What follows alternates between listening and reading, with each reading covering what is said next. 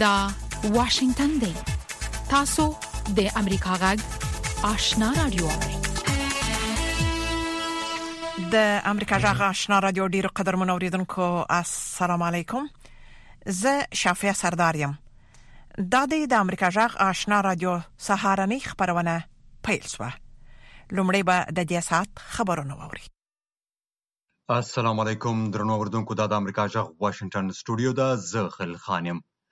پام وکړئ د سات خبرونو ته ازبکستان وایي له طالبانو سره په ډیرو مسایلو تعامل لري او وایي چې دغه ډله باید د یو واقعیت په توګه ومنل شي خو تاکید کوي چې د نړیوالې ټولنې څخه وړاندې به د دغې ډلې حکومت په رسمیت ونه پیژني د افغانستان په چارو کې د ازبکستان د ولسمشر ځانګړي استازي او مشاور عصمت الله ارګاشف وایي، موږ به افغانستان په یوازې توګه په رسمیت ونه پېژنو، ترڅو چې دغه کار کېږي، موږ غواړو چې په دې اړه جمعي حمایت او ږغ موجود وي. ټول شموله حکومت د بشر حقونو او په ځانګړي توګه د مېرمنو حقونو ته درناوی او د نړیوالو تروریستي ډلو سره د اړیکو پرې کول د طالبانو په رسمیت پېژندلو لپاره د نړیوالې ټولنې له شرطونو څخه دي خو ښاغلی ارګاشف په دې باور دی چې طالبانو ته په چټکۍ دغه شرایط برابرول ستونزمن کار دی خو ښاغلی ارګاشف زیاتوي چې طالبان په دې پوه شوي چې په نړیواله کچه په رسمیت پېژندلو لپاره اړ دي چې ځینو بدلونونه رامنځته کړي هغوی وخت ته اړتیا لري موږ په دې اړه له امریکایانو او اروپایانو سره خبرې کړې دي ازبکستان په دې وروستیو کې افغانستان ته د بشري مرستو د انتقال په اړه یو مهم مرکز بدل شوی دی چې د نړیوالو مرسته کوونکو هیوادونو لخوا هم ستایل شوی دی. وروسته له هغه چې سېلابونو په افغانستان کې لږ تر لږه دوه ویشت کسان ووژل او څلوېښت نور یې ټپیان کړل، د پاکستان صدراعظم له نړیوالې ټولنې وغوښتل چې د افغانستان وګړو سره مرسته وکړي. د پاکستان صدراعظم شهباز شریف په یو ټویټ کې له یوې خوا د نړیوالې ټولنې وغوښتل چې مرسته وکړي او له بلې خوا یې ویلي چې هیواد به هم له خپلو افغانانو خویندو او وړونو سره مرسته وکړي. د پاکستان صدراعظم لیکي چې د سیلابونو له کبله په رامنځته شوو تاوانونو او د خلکو په مړینې ژور خپه شوی. د طالبانو حکومتي چارواکو هم ویلي چې د دغو سیلاب ځپلو سره مرستې لپاره به په نړیوالو خیریه سازمانونو د مرستې ږغ وکړي. د پاکستان د پخواني صدراعظم عمران خان تحریک انصاف ګوند د حکومت پر ضد د احتجاجي غونډو نیټې اعلان کړې دي. دغه ګوند د مې په څلورمه په یو ټویټر بیان کې ویل دي چې د مې له شپږمې یعنې نن څخه تر شلم مې پورې به د هیواد په بېلابېلو ښارونو کې جلسې کوي. عمران خان د اپریل په لسمه په قامي اسمبلۍ کې د عدم اعتماد تحریک له بریالي کېدو ورسره له واکه ګوښه شو او حکومت یې ړنګ شو او بیا تر هغه یو ورځ وروسته د مسلم لیګ نون مخکښ مشر شهباز شریف صدر اعظم منتخب سو او ائتلافي حکومت یې جوړ کړ. عمران خان له واکه له لري کېدو راهیسې مظاهرو ته دوام ورکړی دی او دریځ لري چې حکومت یې د بهرنۍ دسیسې په نتیجه کې ړنګ سو. تحریک انصاف ګوند وایي د اوسني حکومت پر ضد احتجاجونو ته دوام ورکوي چې د انتخاباتو اعلان ته یې مجبور کړي. تر دې مخکې عمران خان د اپریل په دېرش مه اعلان کړی و چې د مۍ میاشتې په پای کې به د انتخاباتو د غوښتنې لپاره د اسلام اباد پر لور لاریون کوي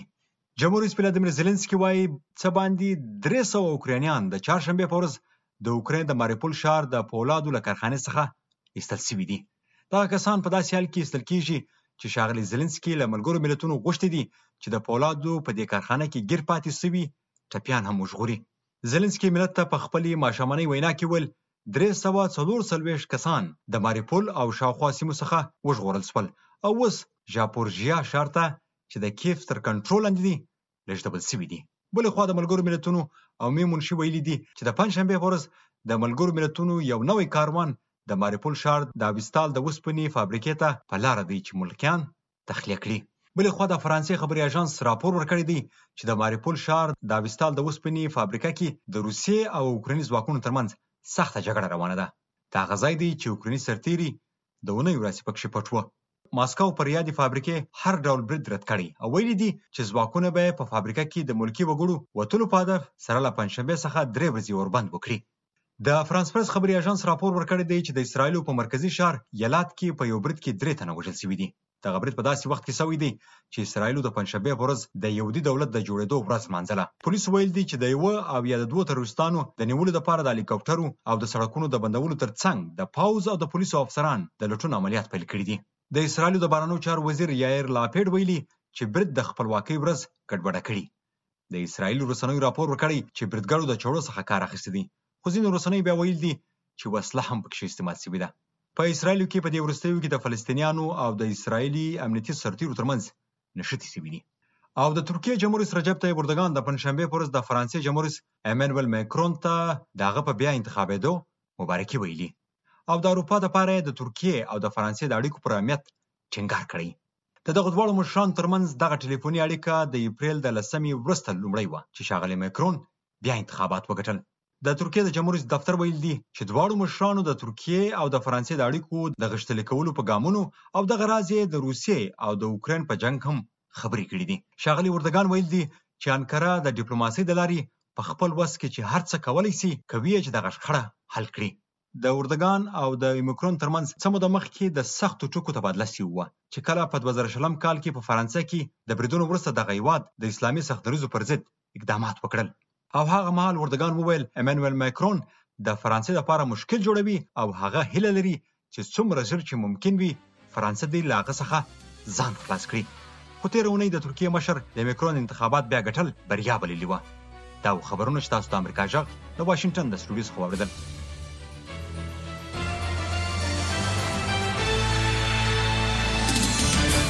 خبرونه مو د امریکا ژغ آشنا رادیو څخه واوریدل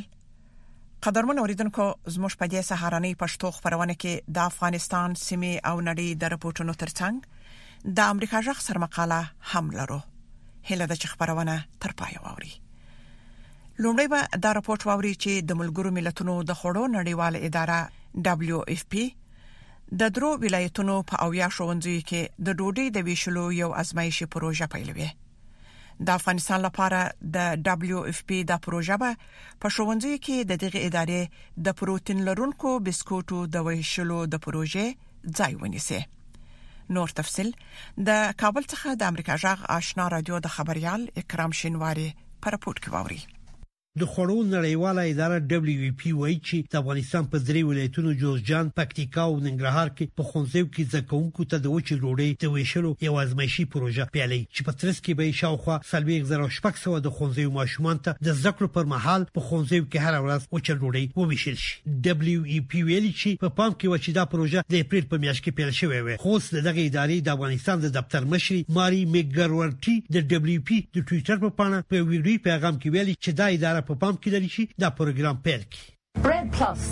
Our new product for school meals here in Afghanistan. میرمن میک ګرورټي وویل د ښوونځیو د غذا لپاره زموږ نوی محصول دلته په افغانستان کې په افغانستان کې د افغانستان لپاره جوړ شوی دی خوراکي توکي خرڅونکي کوچني بزګران د تولیداتو پروسس کوونکي او نانوایان زموږ د ښوونځیو د غذا د پروګرام لاري سره نخلوي او دا ښوونځیو ته ماشومان راوړي دخوړو نړیواله اداره وایي چې په روان دوه زره دوه میلادي کال کې په افغانستان کې دوه اعشاریه اته میلیونه خلک د خوړو په برخه کې مرستې ته اړتیا لري دا اداره وایي چې په دې شمیر کې اته اعشاریه اووه میلیونه داسې افغانان هم شامل دي چې د قحطۍ حالت ته ورته حالت سره مخ دي د ملګرو ملتونو دغه ادارې د معلوماتو له مخې په روان میلادي کال کې څلور اعشاریه اووه میلیونه ماشومان امیدواره ښځې او هغه ښځې چې خپل ماشومان ته شیدې ورکوي د مزمنې خوارځواکۍ د ګواښ سره مخ د ډبلیو پي مشرې وویل موږ ټول د پوهنې په اهمیت پوهیږو د خوړو په اهمیت پوهیږو او د عمران معاش په اهمیت پوهیږو او د اقتصادي او ډوډۍ په اهمیت هم پوهیږو مننه د اروپای ټولنې او جنوبي کوریا د جمهوریت څخه په خپلو سخاوتمندانه مرستو دا کار ممکن کړ this happen. د ډبلیو پي ادارې دمخه افغانستان کې په ځینو ښوونځیو کې د خوارځواکۍ د کچې د کمېدو لپاره پروټین لرونکي بسکټ په یو شمېر ښوونځیو کې پر ماشومانو باندې ویشل دا اداره وایي چې د ډوډۍ ویشلو پروګرام به د پروټین لرونکو بسکټو د ویشلو د پروژې ځای ونیسي ډبلیو پي د دې پروګرام د پیلولو اعلان په داسې حال کې کړی چې په افغانستان کې د تیرو کلونو پر لپسې وچکالۍ او پر دغه هیواد د نړیوال ټولنې د مرستو د بندیدو لامل په زرګونو خلک بیکاره او د ژوند د تیرولو لپاره د ډیرو ستونزو سره مخ دي د بلې خوا ملګري ملتونه وایي چې افغانستان د نړۍ د هغو هیوادو د کتار په سر کې ځای لري چې اوسیدونکي د سختې لوږې سره مخ دي د ملګرو ملتونو د خوړو او کرهڼې نړیوال سازمان اف ای او په یو راپور کې ویلي چې تاوتریخوالی اقلیمي بدلون او اقتصادي بحرانونو د انسانانو ژوند د خورا زیاتو ستونزو سره مخ کړي چې له امله یې په تیر میلادي کال کې 40 میلیونه خلک د سختې لوږې سره مخ دا اداره وایي چې د نړۍ دري پنځوس هیوادونه له دغې ستونزې سره مخ دي او افغانستان په تېر دوه زره ویشت میلادي کال کې د دغو هیوادو د لست په سر کې ځای لري چې میلیونونه افغانان پکې د سختې لوږې سره مخ دي دا راپور وایي چې د کانګو جمهوریت ایتوپیا یمن او افغانستان په ډیرو اغیزمن شوو هیوادو کې شامل دي طالبانو اسلامي امارت د تېر دوه زره ویشت میلادي کال د اګست په میاشت کې بیا واک ترلاسه وخت طالبانو اسلامي امارت د رسیدو سره سم نړیوال ادارې له دغه هوا څخه وتلې چې ورسره افغانستان سره د نړیوالو ادارو مرستې هم باندې شوې او لسګونه زره خلک بیکار او بیروزګار شو او دا هوا د اقتصادي بحران سره مخ شو د افغانستان او نړۍ په اړه تازه خبرونه سیاسي تحولات او وړاندې څرګندې د پیښو کره کتنه او شاوره څرګندنه د امریکا غږ آشنا ټلویزیون د تازه خبرونو او جامع راپورونو موثقه منبع ملګری ملتونه وایي د افغانستان په شمول د نړۍ په غنو هیوادونو کې یو سل درې نیوي میلیونه کسان کافي خوراکي توکو ته لاسرسي نه لري په یو غټ تازه راپور کې راغلي په دې حساب کې 40 میلیونه نور کسان هم ور اضافه شوې دي د بل خوا د خوړو نړیوال پروګرام امریکا جغ ته ویلي چې دوی په تیری یوې میاشتې کې د افغانستان په بیلا بیلو ولایتونو کې یو میلیون کسانو سره مرسته کړې ده نور تفصيل پر رپورت کې ووري ملګری ملتونه وایي د افغانستان په ګډون د کانګو په جمهوریت ایتوپیا نایجریا جنوبي سودان سوریه او یمن کې یو سل درې میلیون کسان هر ورځ کافي خوراکي توکي نه لري د ملګرو ملتونو د راپور په اساس په تیر شپږ کلونو کې په دغه هیوادونو کې د اوګدو جګړو، اقلیمي بدلون او کرونا ویروس لکبله خلک للوګي سره مخامخ شوي دي. The findings of the twenty twenty two Global Report on Food Crisis. مونږ په داسې یوه وضعیت کې یو چې د لوږې کچه لوړ حد ته رسیدلې ده. په مشخصه توګه د دوه زره شلم کال په پرتله د هغو کسانو شمیر ته چې کافي خواړه نه لري څلوېښت میلیونه نور وراضافه شوي دي. دا واقعاً د اندېښنې وړ ده. ملګري ملتونه وايي چې د افغانستان په شمول درې پنځوس هېوادونو کې خلک له لوږې سره مخامخ دي. یو شمېر هېوادونه شته چې د ناورین، اقلیمي بدلون او کرونا وایروس له کبله ځپل شوي دي چې پکې افغانستان، د کانګو جمهوریت، یمن او ایتوپیا شامل دي. د خوړو نړیوال پروګرام وایي په کابل، بغلان او نیمروز ولایتونو کې نږدې یو میلیون کسانو سره مرستې کړې دي. د دغه سازمان د معلوماتو په اساس په بغلان ولایت کې درې سوه او نهه اویا زره اووه سوه او نهه ویشت کسانو باندې مرستې ویشلې دي، همداراز په نیمروز ولایت کې بیا یو سلو درې پنځوس زره او اته سوه کسانو باندې مرستې ویشل شوې دي او په کابل کې په درې سوه او شپږ اویا زره او یو سلو نهه دېرش کسانو ته مرستې رسیدلې دي. په افغانستان کې د خوړو نړیوال پروګرام امریکا غږ ته وویل چې په تیره میاشت کې په ټول افغانستان کې نږدې دولس میلیون کسانو ته مرستې رسولې دي. د بېلګې په ډول ویلی شو چې د جنوري په میاشت کې دغه د خلکو چې موږ ورته مرستې ورسولې ټول افغانستان کې د دوی ټول شمېر اته میلیونه شاوخوا کې وو. فبروري میاشت کې مو دغه شمېر د اته میلیونه نه دولس میلیونه کسانو ته ورسوه. دغه راز په مارچ میاشت کې تر دولس میلیونو هم ور واوښت. کې او د اپریل میاشت کې هم په همدغه د 12 میلیون او شاوخوا کې کسانو ته افغانستان کې د ډبلیو لخوا مرستې ورسېدې د خوړو نړیوال پروګرام وایي خلکو سره د مرستې لپاره نغدي پیسې هم ورکوي خو یو شمېر خلک وایي چې باید ستونزو ته په اساسي توګه پام وشي نړیوالو موسساتو نو باید موږ ته داسې برنامه پلي کړي چې هغه ابدي کور وي فابریکې وي او نور بعضي خیرپیي ځاکړو فرمونه یې چرګو فرمونه او دا شنه به توزیع کې او ډیر ډیر په خوراکي موادو نیمه تکیا ونه کوي چې موږ خوراکي مواد هر میاش کې توزیع کوو او نه په دانې څوګره سي ملګری ملتونه وایي په افغانستان کې درویش ملنه وګړي لسخت لوګي سره مخ دي او 15 سلنه خلک کافي خواړه نه لري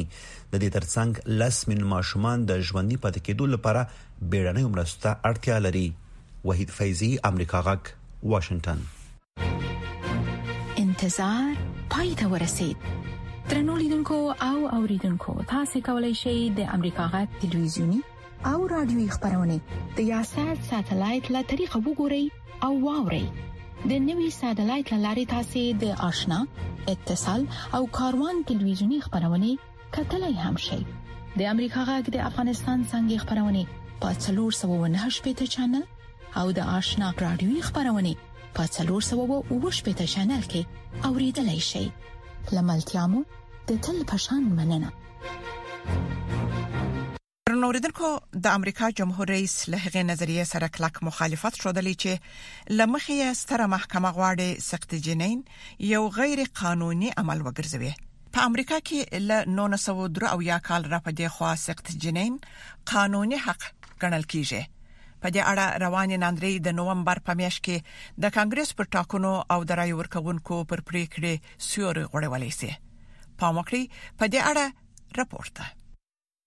د سترې محکمې لخوا تر اوسه کومه پریکړه نه ده شوې خو جمهور رئیس بایدن یې د مخه یو افراطي اقدام ګڼي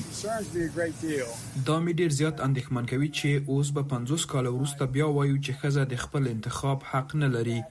دا به په دې معنا وي چې د محرمیت اړوند هره نظریه به تر پوښتنې لاندې راشي.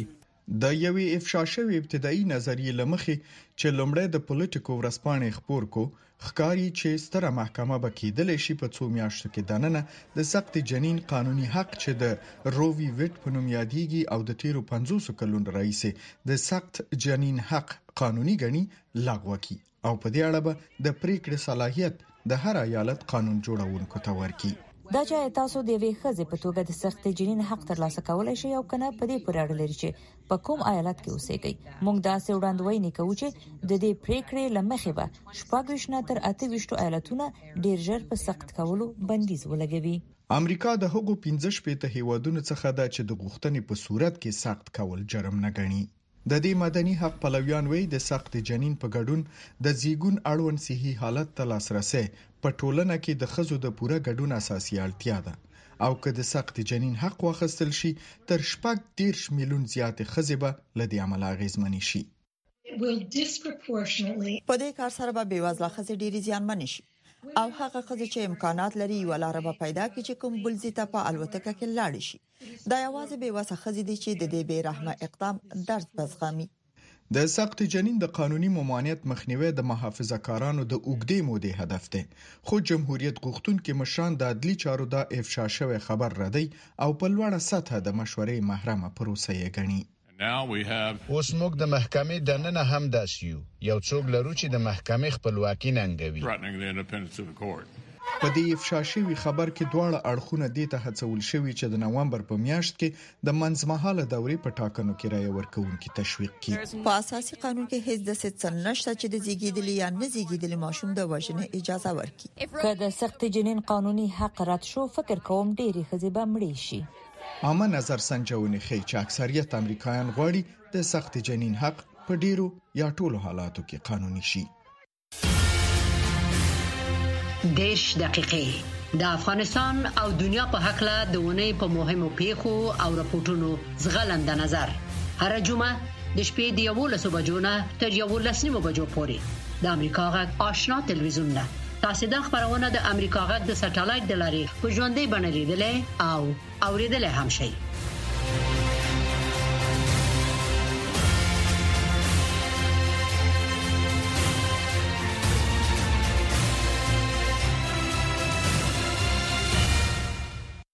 د امریکا جغ آشنا رادیو څخه د نړۍ راپورټونو ته دوام ورکوه د اروپאيي اتحاد غړي دولتونه لګیا دي د روسیې پر خلاف د لا نورو سختو بندیزونو پر لګولو غور کوي چې په دې کې له هغه هوا څخه د تیلو په واردولو د بندیز لګول شامل دي دا هغه څه دي اروپایانو یې یوازې څو اونۍ مخکې امکان رد کړی و خو داسې ښکاري چې د اروپايي اتحاد ټول غړي په دې حقله یو شان نظرونه نه لري. له پاریس څخه به د امریکا جغ د خبريالي لیزا براینت د رالیږلي رپورټ خلاصه زموږ همکار سید سلیمان شاه تاسو ته ولولي.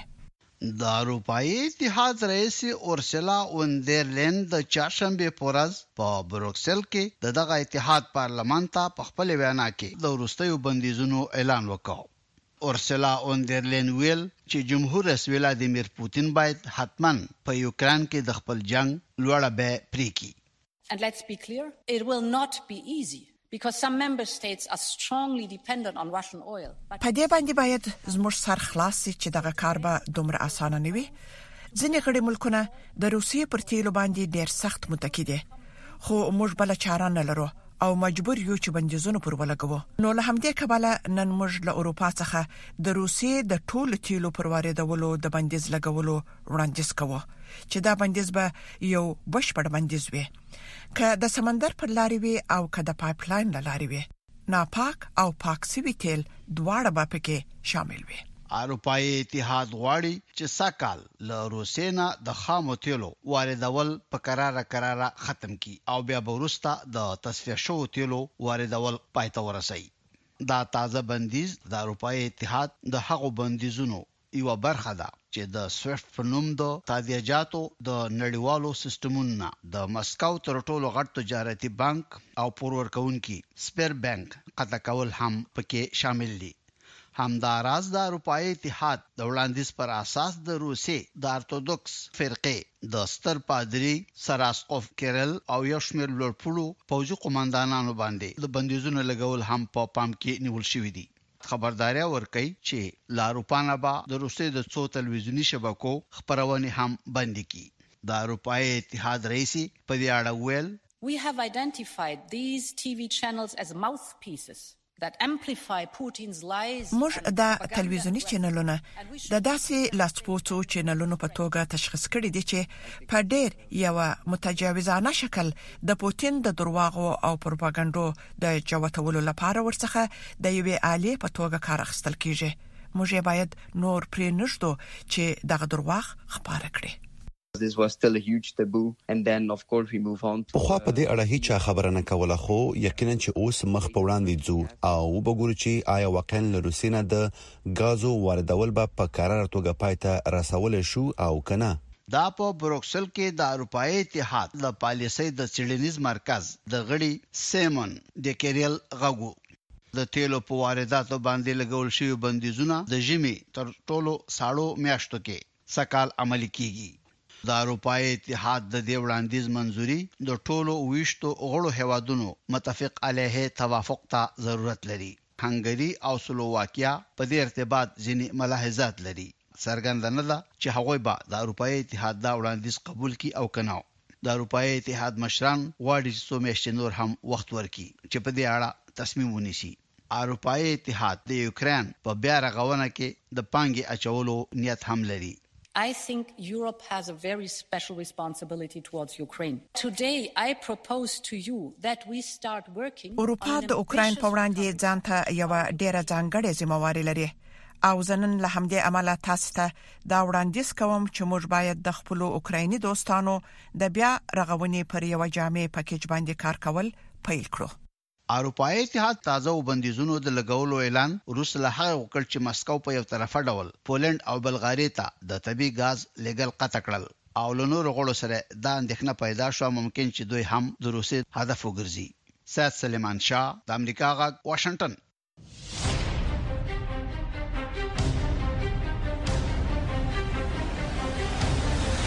اتصال زموږ او تاسو پیوستون خبرونه چیرنې او خبرګونونه موثق معلومات او دقیق جزئیات هغه کورنۍ نړیواله او سیمه ییزې مسلې چې د عامو خلکو پر ژوند اغیزې لري ستاسو پوښتنې د چارواکو ځوابونه او د پوهانو سپارښتنې له یک شنبه تر پنځ شنبه د ماښام پر 15 بجو او 10 دقیقو له واشنگټن څخه پر ژوندې بڼه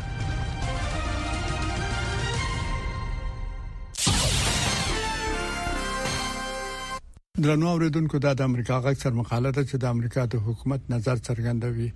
د هیوادونو د یوې بې ساري ائتلاف استادو په نږدې وخت کې په بروکسل کې غونډه وکړه چې په خپل دوامدار کوشش خبرې وکړي چې په اوکرين کې د روسي د حکومت د يرغل مخالفت وکړي د بهرنیو چارو وزیر انټونی بلینکن انویل د لومړي ځل لپاره د امریکا د انډو پیسفیک استرالیا، جاپان، نیوزیلنډ، د کوریا جمهوریت د بهرنیو چارو وزیرانو د ناټو د وزیرانو په سطحه غونډه کې د یوې ډلې په حیث ګډون وکړ. د ګرجستان، د سویډن، فنلنډ او اوکراین وزیرانو په دغه غونډه کې هم برخه اخیستې وه. په داسې حال کې د بهرنیو چارو او امنیتي پالیسۍ لپاره د اروپايي اتحادیې لوړ رتبه استازي په کې هم برخه اخیستې وه. د ټولو دغو متحدینو او انډیوالانو برخه اخیستل ټول نړۍ د هیوادونو فوق العاده پراخ ائتلاف باندې رڼا اچوي چې د اوکراین سره په ودریدو کې متحد دي او د روسیې د حکومت د یرغل په خلاف دي. دغه هیوادونه تصدیق کوي چې ماسکو یوازې په یو هیواد باندې حمله نه کوي مګر په ټولو بین المللي قوانونو باندې ولاړ نظم باندې حمله کوي د بهرنیو چارو وزیر بلینکن وویل د ناروغانو تصویرونه او غنل چې له بوچا او د اوکران د نورو برخو ناراضي زمونږ ګډ تحلیل او اتحاد قوي کوي د هرې بوجا لپاره روسي نور ډیر خارګوټي اشغال کړی دي او ډېر نور ښارګوټي تر لاسه د اشغال لاندې دي. موږ باید فرض کړو چې ډېرې سیمې شته چې روسي عسکر په کې همدا اوس ډېر عام قتلونه کوي. متحدین او انډیوالان یو شمېر اقدامات کوي چې دغه یرغل ودروي، د اوکراین سره ودرېږي او د هغه چا سره حساب کتاب وکړي چې مسول وي. لومړی موږ د روسیې په مالي موسسو او د ولادیمور پوتین د بالغو ماشومانو په شمول په ټاکلو کسانو باندې د بندیزونو لګول زیاتوو، دوهم موږ د اوکراین سره د امنیت او جنګي سامان لپاره نوره اته سوه میلیونه ډالر مرسته کوو چې له خپل ځان نه دفاع وکړي، موږ د اوکراین خلکو او هغو کسانو لپاره چې له جنګ نه تښتي د بشري مرستو برابرولو ته دوام ورکوو. موږ د خپلو اوکرایني انډیوالانو سره په ګډه کار کوو چې د عام قتلونو د شواهدو په جمع کولو، ساتلو او ارزیابۍ کولو کې مرسته وکړو او دغه معلومات د تحقیقاتو مناسبو هیئتونو ته ورکوو. موږ نوو لارو چارو ته سترګې په لار یو چې د خپلو ناټو متحدینو د دستجمعي امنیت ملاتړ وکړ او د هغو انډیوالانو لپاره ملاتړ زیات کړو د بوسنیا او هرڅګونا او ګرجستان په شان د روسیې د بدنيتي د نفوذ په مقابل کې حساس دي په اخر کې موږ د ناټو نوې ستراتیژیکه مفکوره لیکو چې په مناسبه توګه به د اوقیانوس نه په اخوا امنیت متشکل کړي چې هغه څه به منعکس کړي چې په چټکه توګه د بدلیدو په حال کې دي د بهرنیو چارو وزیر بلینکن ویل هغه ناڅاپي بدلون چې د روسي حکومت کوي څرګند دی د بل هر وخت په نسبت د اوکرين سره په ودرېدو پریکړه او ټینګار شوې ده چې د بین المللي نظم سره مرسته وشي او قوي شي چې حتی د روسیې حکومت یې ستر قیمت ادا کړي چې د دې ډاډ ورکړی شي چې خلک د خپلو جنایتونو لپاره حساب کتاب باید ورکړي. تاسې د امریکا غږ سرمقاله واورېده چې د امریکا د حکومت رسمي نظر یې څرګند کړ.